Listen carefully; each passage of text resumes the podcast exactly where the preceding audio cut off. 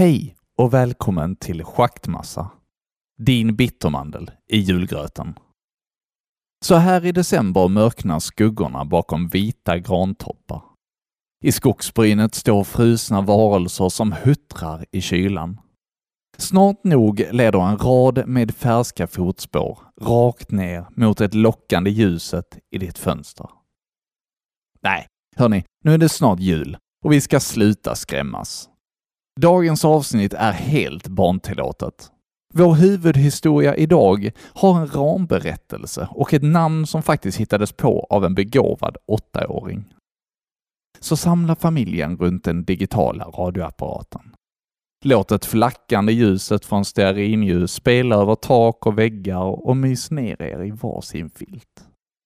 Låt vår berättare Niklas Lövström ta er med på en resa till Skottland. Där ekar släpande steg i stengångarna och skuggan av en tunn narrfigur flackar över slottet McDougals väggar. Ur dolda högtalare spelades en nedtonad jazzvariant av Jingle Bells. Jag antog att julen var lika smörig överallt. Det satt bara två andra sällskap i den rustika matsalen. Det ekade tomt mellan de enorma stenväggarna i slottet. Själv satt jag ensam vid mitt bord och petade i någon slags engelsk julpudding. Jag var inte säker på vad den innehöll och antog att jag kanske inte ville veta det heller. Den hade serverats med en mistelkvist ovanpå och ett glas varm whisky-toddy. Jag kände mig en smula självmedveten. Det var julafton och jag satt ensam vid ett stort bord. Alla borden i slottets matsal var uthuggna ur enorma ekstockar. Tveklöst var de lika gamla som slottet och jag kände mig en smula ynklig där jag satt. Det minsta av borden i matsalen rymde ledigt tolv personer. Det var julafton och utanför föll ett lätt snöfall genom den vindstilla höglandsluften. Jag var i Skottland, men eh, inte för att fira jul. Nej, jag var i Skottland för att berätta en historia. Det låter rätt befängt, det är jag medveten om. Hemma i Sverige satt min sambo och min familj och tittade på Kalle Anka och här satt jag på slottet McDougall och väntade på att få berätta en skröna utan dess like. Ja, och tre kamrater hade besökt slottet McDougall samma sommar, bara fem månader tidigare. Det hade varit ett traditionellt besök i de skotska högländerna, en paketresa hopsydd av en resebyrå för människor utan egen initiativförmåga. Vi hade vandrat bland höglandets kullar, lyssnat på säckpipa och deltagit i whiskyprovningar om kvällarna. Men under vår sista promenad i Skottlands regntäta luft kände jag en infektion greppa efter mig. De vandrarkängor jag köpt var dyra men dessvärre inte helt täta. Min kropp hade reagerat illa då mina fötter hade blivit våta och kalla. Jag hade blivit sängliggande i mitt rum på slottet i en hel vecka med hög feber och hade fått lov att ta ett senare plan hem till Stockholm. Värdshusvärden Douglas McDougall gav mig en misstänksam blick där han stod bakom bardisken och putsade en ölsejdel. Jag förstod hans oro.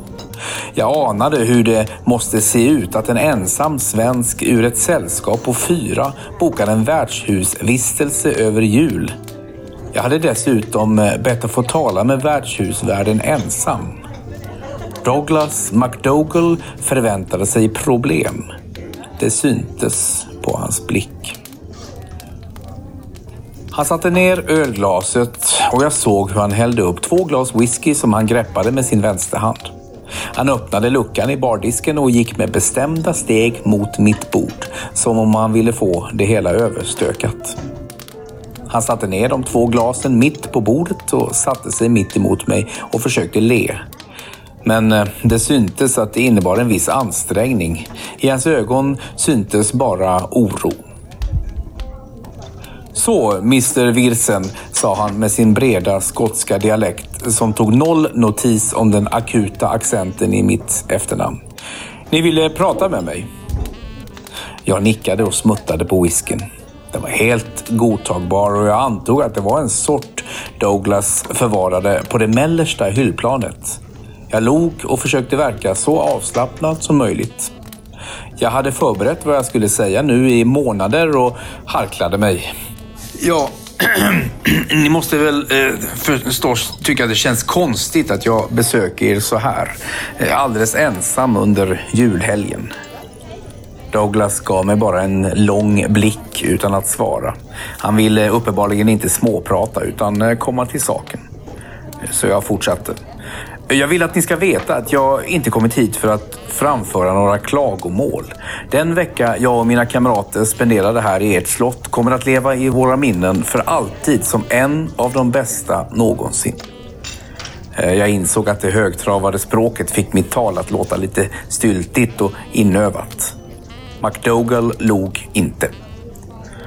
Jaha, ja, det var trevligt att höra, sa han bara. Han var möjligtvis lättad, men fortfarande oroad över vad jag egentligen ville honom. Jag, jag har kommit hit för att berätta en historia, sa jag. Nu skiftade värdshusvärdens blick då han inte längre oroade sig för att ha att göra med en missnöjd kund. Nej, snarare för att ha att göra med en mentalt instabil människa. En eh, historia, sa han frågande. Jag nickade. Ja, en historia som jag fick berättad för mig i detta slott. En som jag gått och funderat på nu i månader. En historia som jag bara måste få reda på om den är sann. Den lämnar mig ingen ro. Jaha, och, och vem berättade historien för er? Värdshusvärden släppte mig inte med blicken. Antagligen ville han vara beredd om jag blev våldsam. Eh, slottet, svarade jag och insåg att jag nu bara var ett telefonsamtal bort från en sjuktransport till ett slutet rum. Douglas gav mig en vild stirrande blick. Hans ögon sköt oro och vanmakt. Slottet! Eh, slottet McDougall! Väggarna i slottet? Eller, eller, eller vilken del av slottet berättade historien för er? Ja, väggarna och taket tror jag, sa jag. Ja, det var under min feberdvala, så jag förstår om jag låter galen. Men, men historien har inte lämnat mig sedan dess och jag måste få veta om den rymmer någon sanning. Jag var en betalande kund och Douglas McDougall tog sig samman. Han gav mig en sorgsen blick. En historia om, om vad? sa han till slut. Jag fångade hans blick, höll den några sekunder och sa Quatteli fnatt. Han bara satt där. Hans mun hade öppnats. Hans ögon var matta. Eh, vad va, va sa ni? viskade han matt. Slottet berättade historien om Quattelifnat. Värdshusvärden tycktes stirra ut i tomma intet i några sekunder. Sedan reste han sig resolut och gick med bestämda steg tillbaka mot bardisken. Jag sänkte blicken och förstod att slaget nu var förlorat. Uppenbarligen hade den galne svensken upptagit nog med hans tid och nu fick det räcka. Men han kom tillbaka. Han satte ner två nya glas med whisky på bordet och placerade sig på den andra sidan. Han sköt fram ett av glasen mot mig. Ja, den görs i ett destilleri på andra sidan ån. De gör bara hundratalets flaskor om året. Jag smakade på drycken och en bukett av aromer studsade runt min gom. Utsökt, sa jag. Ja, eh, en historia om Quatilifnat kräver bra whisky, sa Douglas och började stoppa sin pipa. Så ni har hört talas om honom? sa jag, förvånad av sakernas vändning. Nej, sa värdshusvärden. Han slog eld på en tändsticka och började sugande tända eld på piptobaken. När pipan fått fyr vände han sig allvarligt mot mig. Herr Wilsen, ni har min fulla uppmärksamhet. Jag harklade mig och började berätta. Var hälsad, trötta vandrare. Det gör mig ont att se att luften här uppe i högländerna lyckades besegra dig. Det ska till en viss sorts folk att leva här uppe i fukten och vindarna. Ja, du tittar dig omkring men du kommer inte hitta ägaren till rösten som berättar detta för dig. Jag sitter i stenväggarna, i eh, bjälklagren och i katakomberna långt, långt under dig. Jag är slottet McDougall och då får du ursäkta att jag tar till orda. Du och dina vänner är ju gäster under mitt tak och till viss del känner jag ett ansvar för dem som söker mitt skydd och min gästvänlighet. Jag har sett och upplevt mycket under de snart tusen år som jag har stått ovan jordytan. Otaliga svärdsdueller har utkämpats i mina salar. Jag kan berätta om giftmord och äktenskapsbrott. En slottsfru svimmade vid åsynen av en liten köksmus som sprang över matsalsbordet och drunknade i en tallrik soppa. Jag skulle kunna underhålla dig i timmar med våldsamma historier från min brokiga historia. Jag säger vad man vill om eh, skottar, men de är ett underhållande släkte. Men så som jag uppfattar det så är du och dina kamrater svenskar. Så därför ska jag självfallet berätta historien om den enda svensk som satt bo innanför mina väggar. Det är en underhållande historia, må du tro, och jag skulle utan tvekan ranka den som en av de allra mest intressanta som utspelat sig mellan mina väggar. Du ska få höra historien om Quatelifnat. Quatelifnat stod på slottets vindbrygga en vacker vårdag under 1700-talets mitt. Han var klädd i en medeltida narrkostym och bar inget ombyte i sin ränsel. Hans bjällror klingade när porten öppnades och han bugade sig djupt. Han begärde audiens hos slottsherren, vilken beviljades. Väl framme i den stora matsalen bugade sig den märklige mannen igen. Han var lång och smal med ett spetsigt renrakat ansikte och hans små pepparkornsögon tycktes betrakta omvärlden med ett helt annat allvar än vad hans kläder föreslog. Det var dödstyst i salen där slottsherren satt omgiven av sin familj och sina närmaste rådgivare. Quaterifnat bugade sig djupt plockade fram tre röda bollar ur sin ränsel och började jonglera. Den besynnerliga uppenbarelsen var duktig på att jonglera. Han började med tre bollar, ökade till fyra och avslutade med att felfritt och elegant jonglera med fem bollar. Han gick sedan runt bland orden och samlade ihop tre rejäla förskärare. Han ställde sig åter mitt i salen och började bekymmerslöst jonglera med de skarpslipade knivarna. Det församlade herrskapet och barnaskaran imponerades av narrens skicklighet. Han var tvivelsutan en skicklig jonglör. Men den underhållning han bjöd på var, precis som hans klädsel, hopplöst omodern. Både slottsfrun och slottsherren var moderna människor från Europa nåddes jag av upplysningens idéer och ideal. Min största sal, som hittills hade tjänat som tingssal, hade inrätts till balsal och där dansades menuett så fort man lyckades samla ihop en rimlig stråkkvartett. Säckpipor och burdusa män i kilt och yviga skägg rynkade man på näsan åt. Ja, jag genomströmmades av tidernas ideal trots mitt hopplösa läge norr om all ära och redlighet. Så kom då denna Pajazzo med sin medeltida underhållning. Både lorden och hans lady rynkade självfallet på näsan åt denna omoderna figur. Nu blomstrade finanserna vid denna tidpunkt och därför beslutades det att den udda figuren skulle få mat och husrum i slottet för en tid framöver. Visst kunde man plocka fram honom då all annan underhållning saknades. Visst var det lustigt att slottet skulle ha sin egen narr.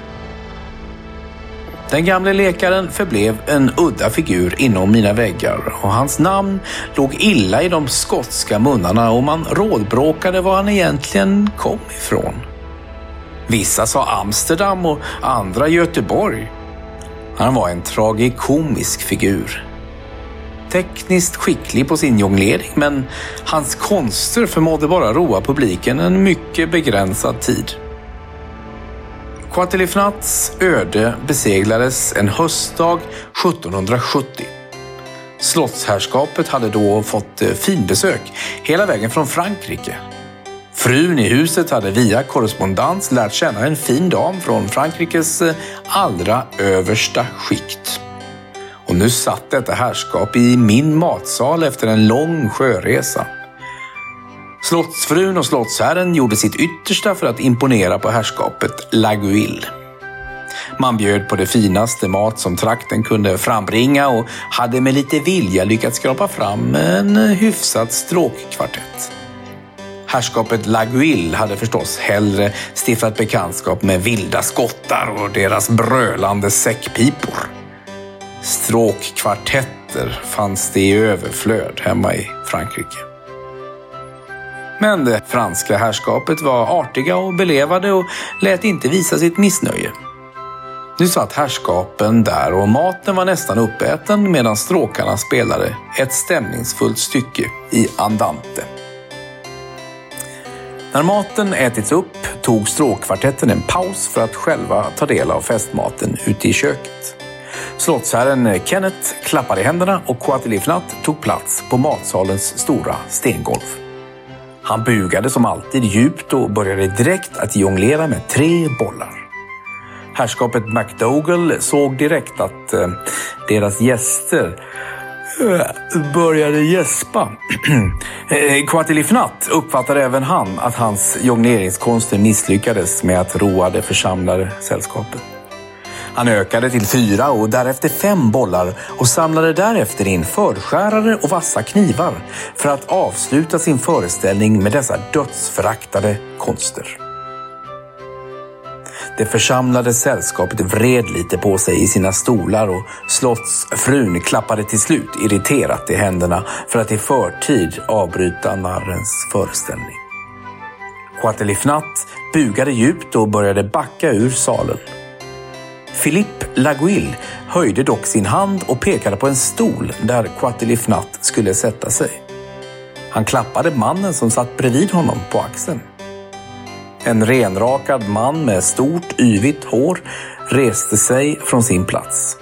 Mannen plockade upp någonting från golvet bakom sin plats och intog matsalsgolvet. Quatilifnat såg att mannen hade tagit med sig jongleringskäglor ut på stengolvet.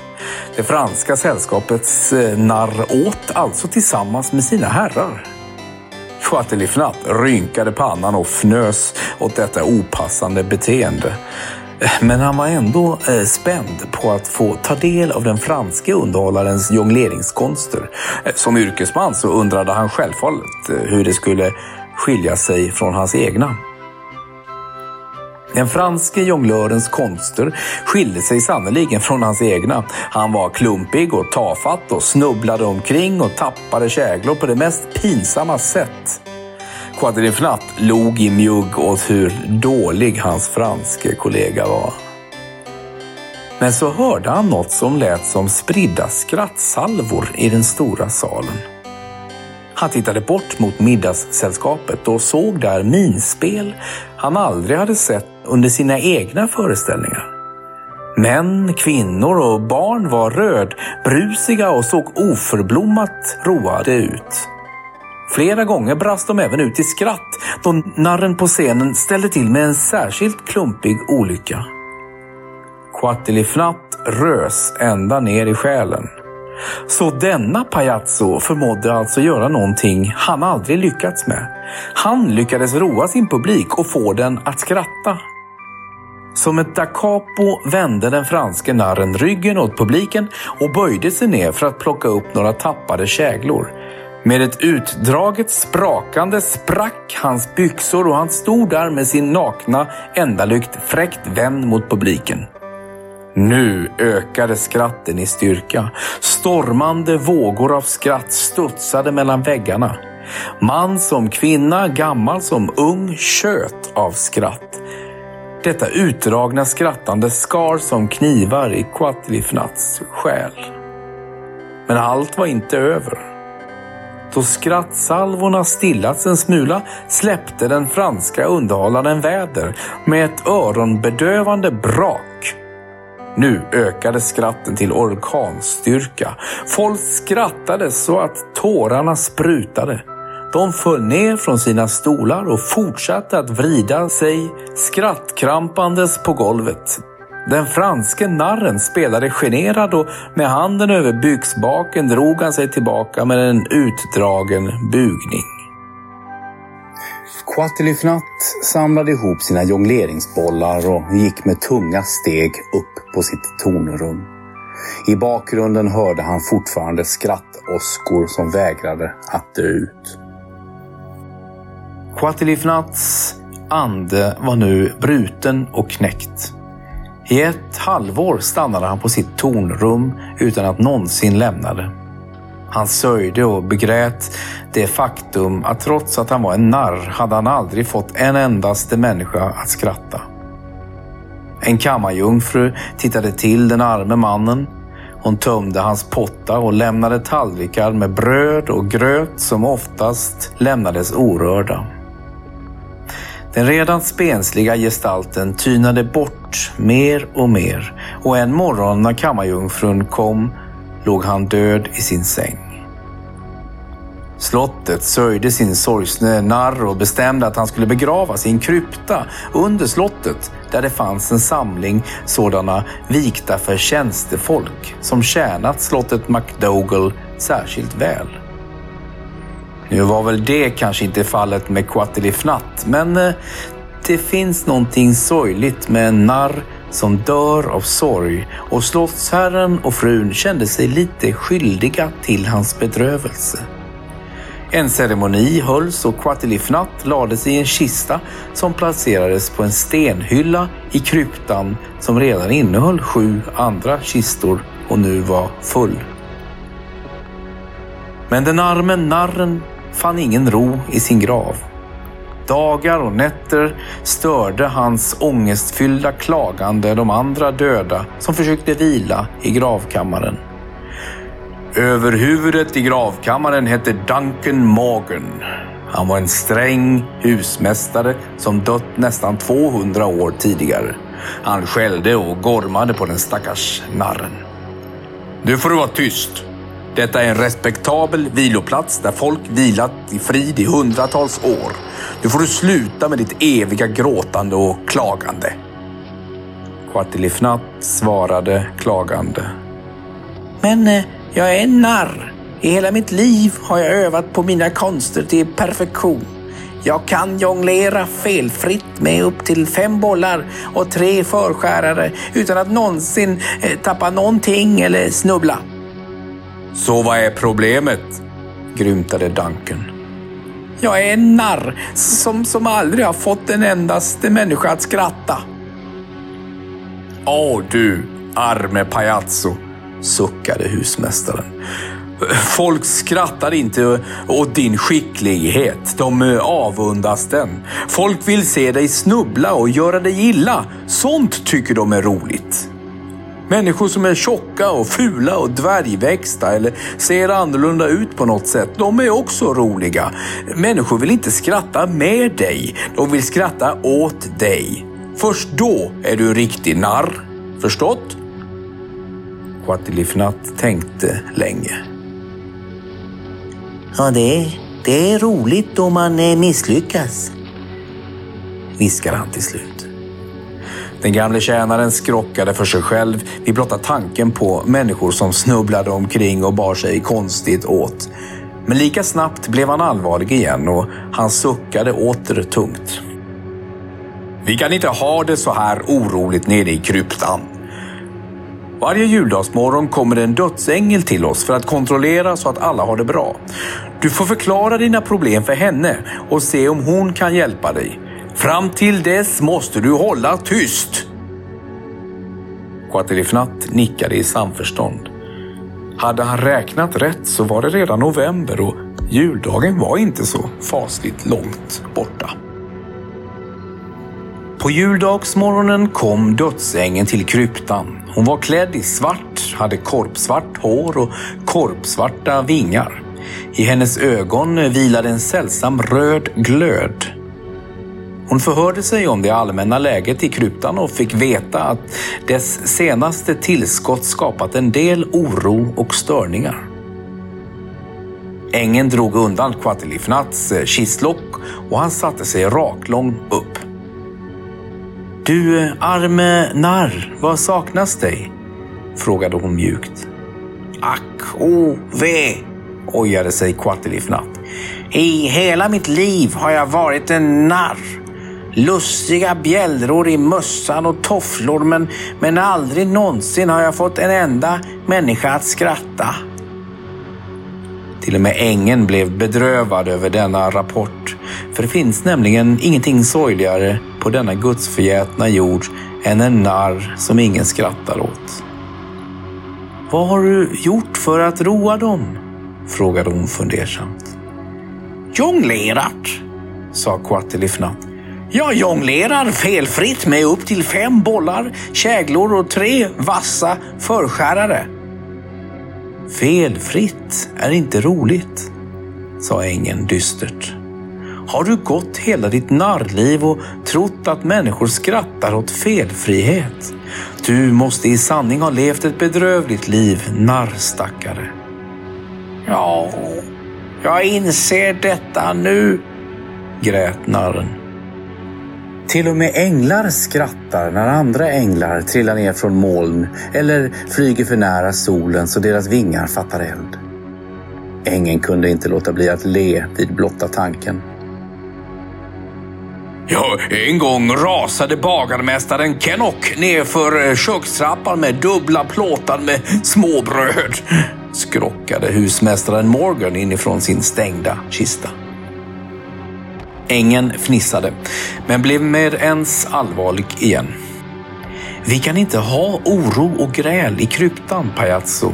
Säg mig vad du behöver så får vi försöka ordna det. Ja, jag vill, jag vill bara få en enda människa att skratta. Det är allt jag önskar mig nu, sa narren olyckligt. Så får det bli, sa ängeln. Stig upp ur din kista, narr. Nu får du gå bland de levande tills du fått en av dem att skratta. Så har jag bestämt.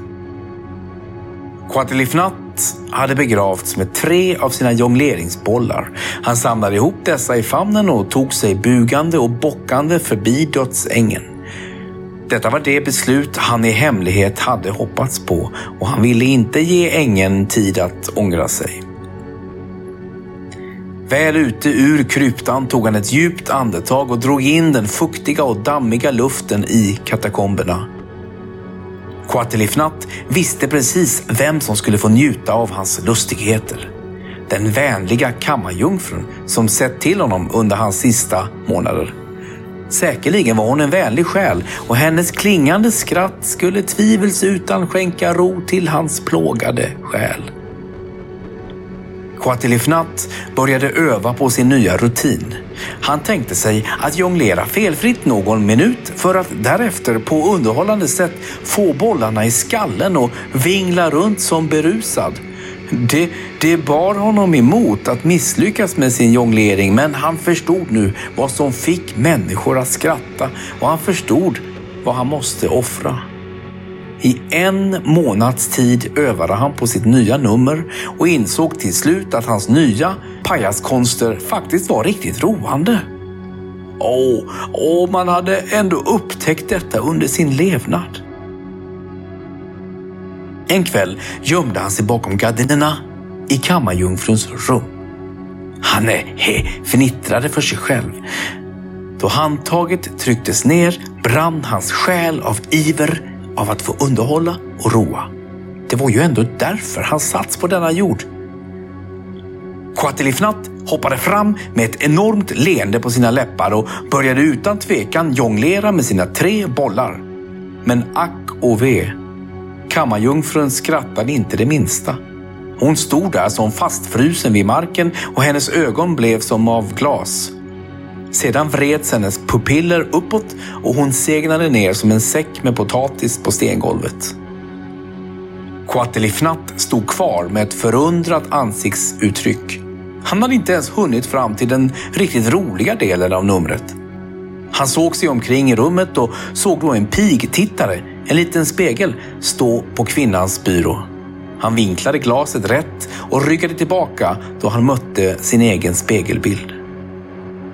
Han hade nu legat i graven nästan ett halvår och han eh, såg ut därefter.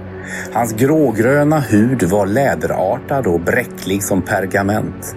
En eh, besynnerlig röd glöd flackade djupt inne i hans ögonhålor. Han prövade ett leende i spegeln. Det blev till en dödsmask av rent och skärt vansinne. Quatilifnat vinklade ner spegeln igen och insåg plötsligt att kammarjungfrun måste ha känt igen honom. En skammens rodnad spreds över Quatilifnats grågröna kinder. Hans skam var till stor del berättigad. Kammarjungfrun blev aldrig riktigt sig själv igen. Hon blev nervsvag och strykrädd och inom kort flyttades hon från slottet till ett hospital. Hon slutade på sin ålders höst helt att prata. Hennes ordförråd försvann sånär som på tre ord. Narren. Den döde narren. Quatilifnat fick dra sig tillbaka och omstrukturera sina planer. Han insåg att han måste hitta en publik med bättre nerver. Han måste dessutom komma till den lustiga delen av sitt nummer med ett minimum av väntetid. En soldat som slagits i krigen nere i Indien var gäst på slottet. Nu var Quatelifnat säker på att han hittat den perfekta publiken till sin komiska föreställning. Soldaten svimmade mycket riktigt inte då den döde narren hoppade fram bakom hans gardin. Han hade till och med sinnesnärvaro nog att dra sin revolver eh, ur den upphängda uniformen och skjuta den spöklika varelsen i bröstet. Det slog damm och tygtrasor ur Quatlifnats bröst. Han böjde ner huvudet och stirrade oförstående på det stora hålet. Sedan höjde han huvudet och tittade upp på soldaten. Han bestämde sig för att låta udda vara jämnt och fortsätta att jonglera. Nu blev det för mycket, eh, även för den hårdföre soldaten. Med ett utdraget jämrande hoppade han i sina stövlar, rafsade åt sig sin sabel och sin uniform och med detta i famnen sprang han hela vägen till slottsstallet. Han red med sin uniform i famnen och sin enda fria hand på tyglarna i spårsträck och hördes aldrig av igen. Nu har du kanske förstått den stackars narrens öde. Att få folk att skratta är rakt i ingen lätt uppgift och din kropp är död och din hud är sjukligt grågrön. Ju mer tiden gick, desto mer skrämmande blev den stackars läkaren. Hans näsa och öron föll av. Hans ögon trillade ur sina hålor. Nu tycktes den röda glöden vila direkt i kraniets håligheter. Hans narrdräkt blev allt mer sliten och dammig. Snart nog var allt som återstod av den gänglige gestalten ett högrest benrangel. Han blev mitt slottsspöke och folk skrek i fasa då de råkade få syn på den sorgliga uppenbarelsen. Jag och mitt slottsspöke åldrades illa tillsammans. Det blev nya tider och jag blev hopplöst omodern. Ingen ville längre bo i ett dragigt stenslott. Folk krävde isolering, rinnande vatten och elektricitet. Ingenting av detta kunde jag erbjuda och kostnaderna för att utrusta mig med dessa moderniteter skulle bli astronomiska. Någonstans under 1900-talets första hälft flyttade den sista människan ut och jag stod tom i nära nog 80 år. Quatilifnat vandrade planlöst omkring i slottet under denna tid. Alltjämt mitt spöke, men utan mål eller hopp om att någonsin bli fri från sin förbannelse. Den gänglige narren var nu bara ett osedvanligt långt skelett som skallrande förflyttade sig mellan mina ödsliga rum och korridorer. Sedan kom din tid, min svenske vän. Med television och datorer och internet och en massa konstigheter som jag nog aldrig kommer bli klok på. En eh, samtida ättling, Douglas McDougall, visade mig förbarmande och började rusta upp min östra flygel. Det är just den där du ligger. Folk från hela världen samlas här för att vandra i det skotska höglandets fria natur, lyssna på säckpipor och dricka whisky. Just denna dag, då detta drama får sin upplösning, höll man på att dra elektricitet, vatten och avlopp genom östra flygens innerväggar. För detta ändamål hade man varit tvungen att montera ner flera av mina innerväggar helt eller delvis. Paret McDougalls tvåårige son Kevin fann förstås stort nöje i att studera byggarbetet och alla de högljudda maskiner som hantverkarna använde. Hans föräldrar hade allt sjå i världen med att hålla honom på tryggt avstånd från byggarbetarna. Men så, medan pappa Douglas var upptagen med att studera en byggskiss tillsammans med byggbasen smet den lille Kevin in bakom en uppslagen vägg. Den lille gossen rultade storögt omkring i en av mina mörka korridorer. Det enda ljus som fanns var det dova skymningsljuset som kastade skuggor genom färgade fönster. Kevin var ute på sitt livs äventyr och tultade glatt fram längs den synes oändliga stenkorridoren. I slutet av den långa gången fanns en trappa och då Kevin storökt följde trappans steg uppåt med blicken fick han syn på en förunderlig skepnad på den översta trappavsatsen. Ja, du har nog gissat vem det var. Slottsnarren, numera slottsspöket, Quatelifnat, grinade brett ner mot barnen. Kevin var bara två år och reagerade inte med instinktiv fasa på det medfarna benrangel som stod på trappavsatsen med sin narkkostym hängande i trasor runt sig. Han tittade storökt och undrade vad som nu skulle hända. Det som hände var att Quatilifnat tog händerna bakom sin rygg och med ett ryck presenterade tre stycken röda jongleringsbollar. Han höll fram bollarna mot den lille pojken vid trappans fot som för att visa att de inte var farliga. Sedan började skelettet jonglera med de tre bollarna. Riktigt vad det var som styrde i hans beniga armar, det ska jag inte ge mig på att gissa, men Quatilifnat jonglerade lika skickligt som i fornstora dagar. Han började sedan gå ner för trappan ett steg i taget medan han ivrigt jonglerade med bollarna. Glad över att ha funnit en publik efter alla dessa år. Men hur det nu var så tvingades Quatilifnat i ett läge bestämma sig för om man skulle fortsätta jonglera eller hålla balansen i trappan. Beslutet fattades på bråkdelen av en sekund och narren fortsatte att jonglera. Hans trasiga tofflor gled av trappsteget och dess bjällror gav till ett ilsket ringande.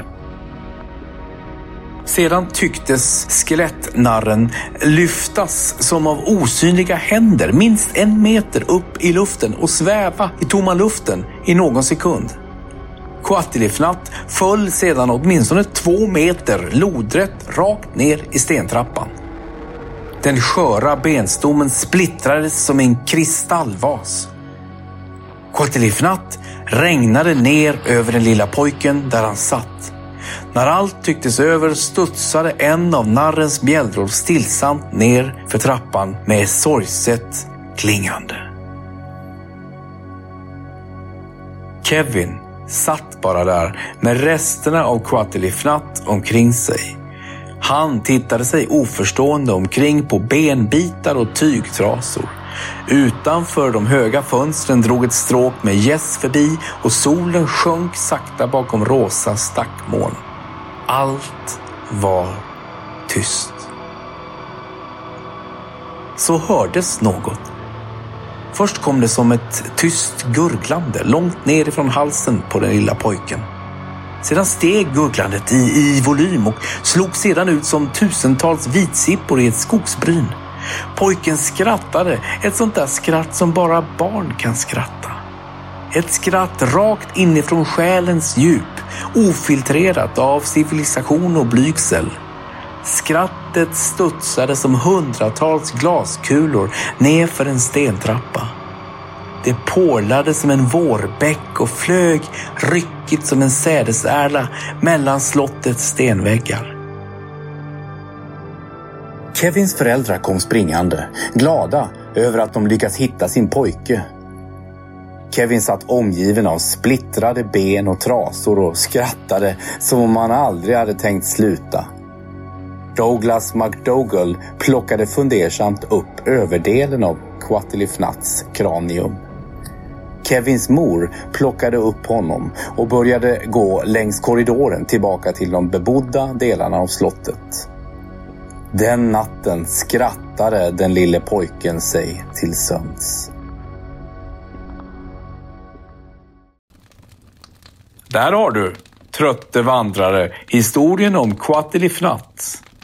Nu vilar han äntligen i ro.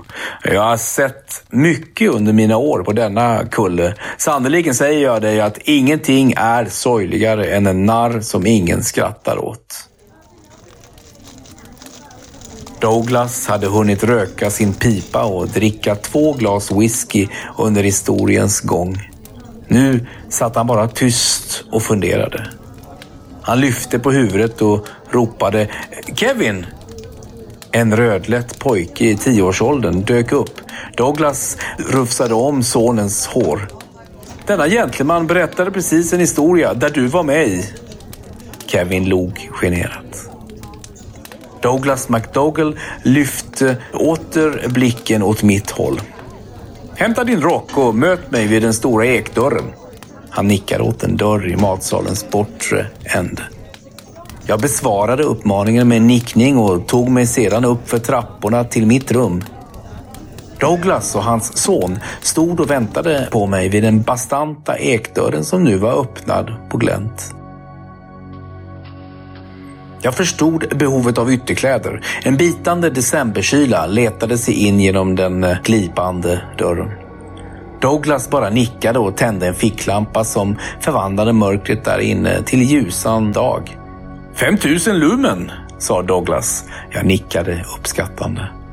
Så gav vi oss in i slottets obebodda delar.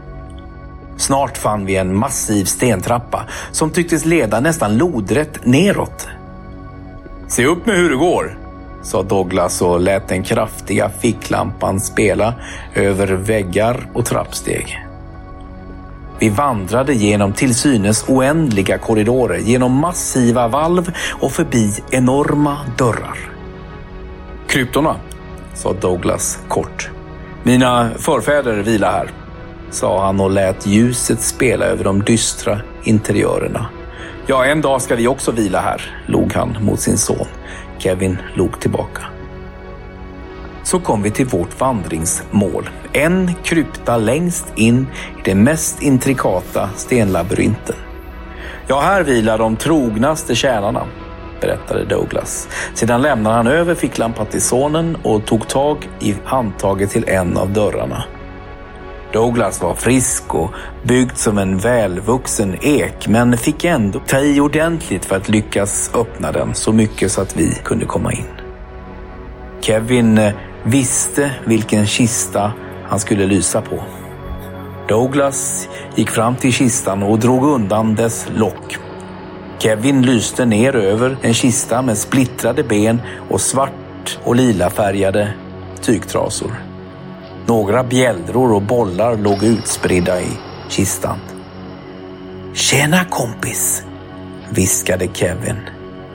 Jag tittade ner i kistan. Det enda som avslöjade att detta var resterna av en människa var överdelen av en skalle. Jag vet inte om det var sprickbildningen eller det faktum att tandraden splittrats på ett ovanligt sätt. Hur som helst såg det ut som att skallen log.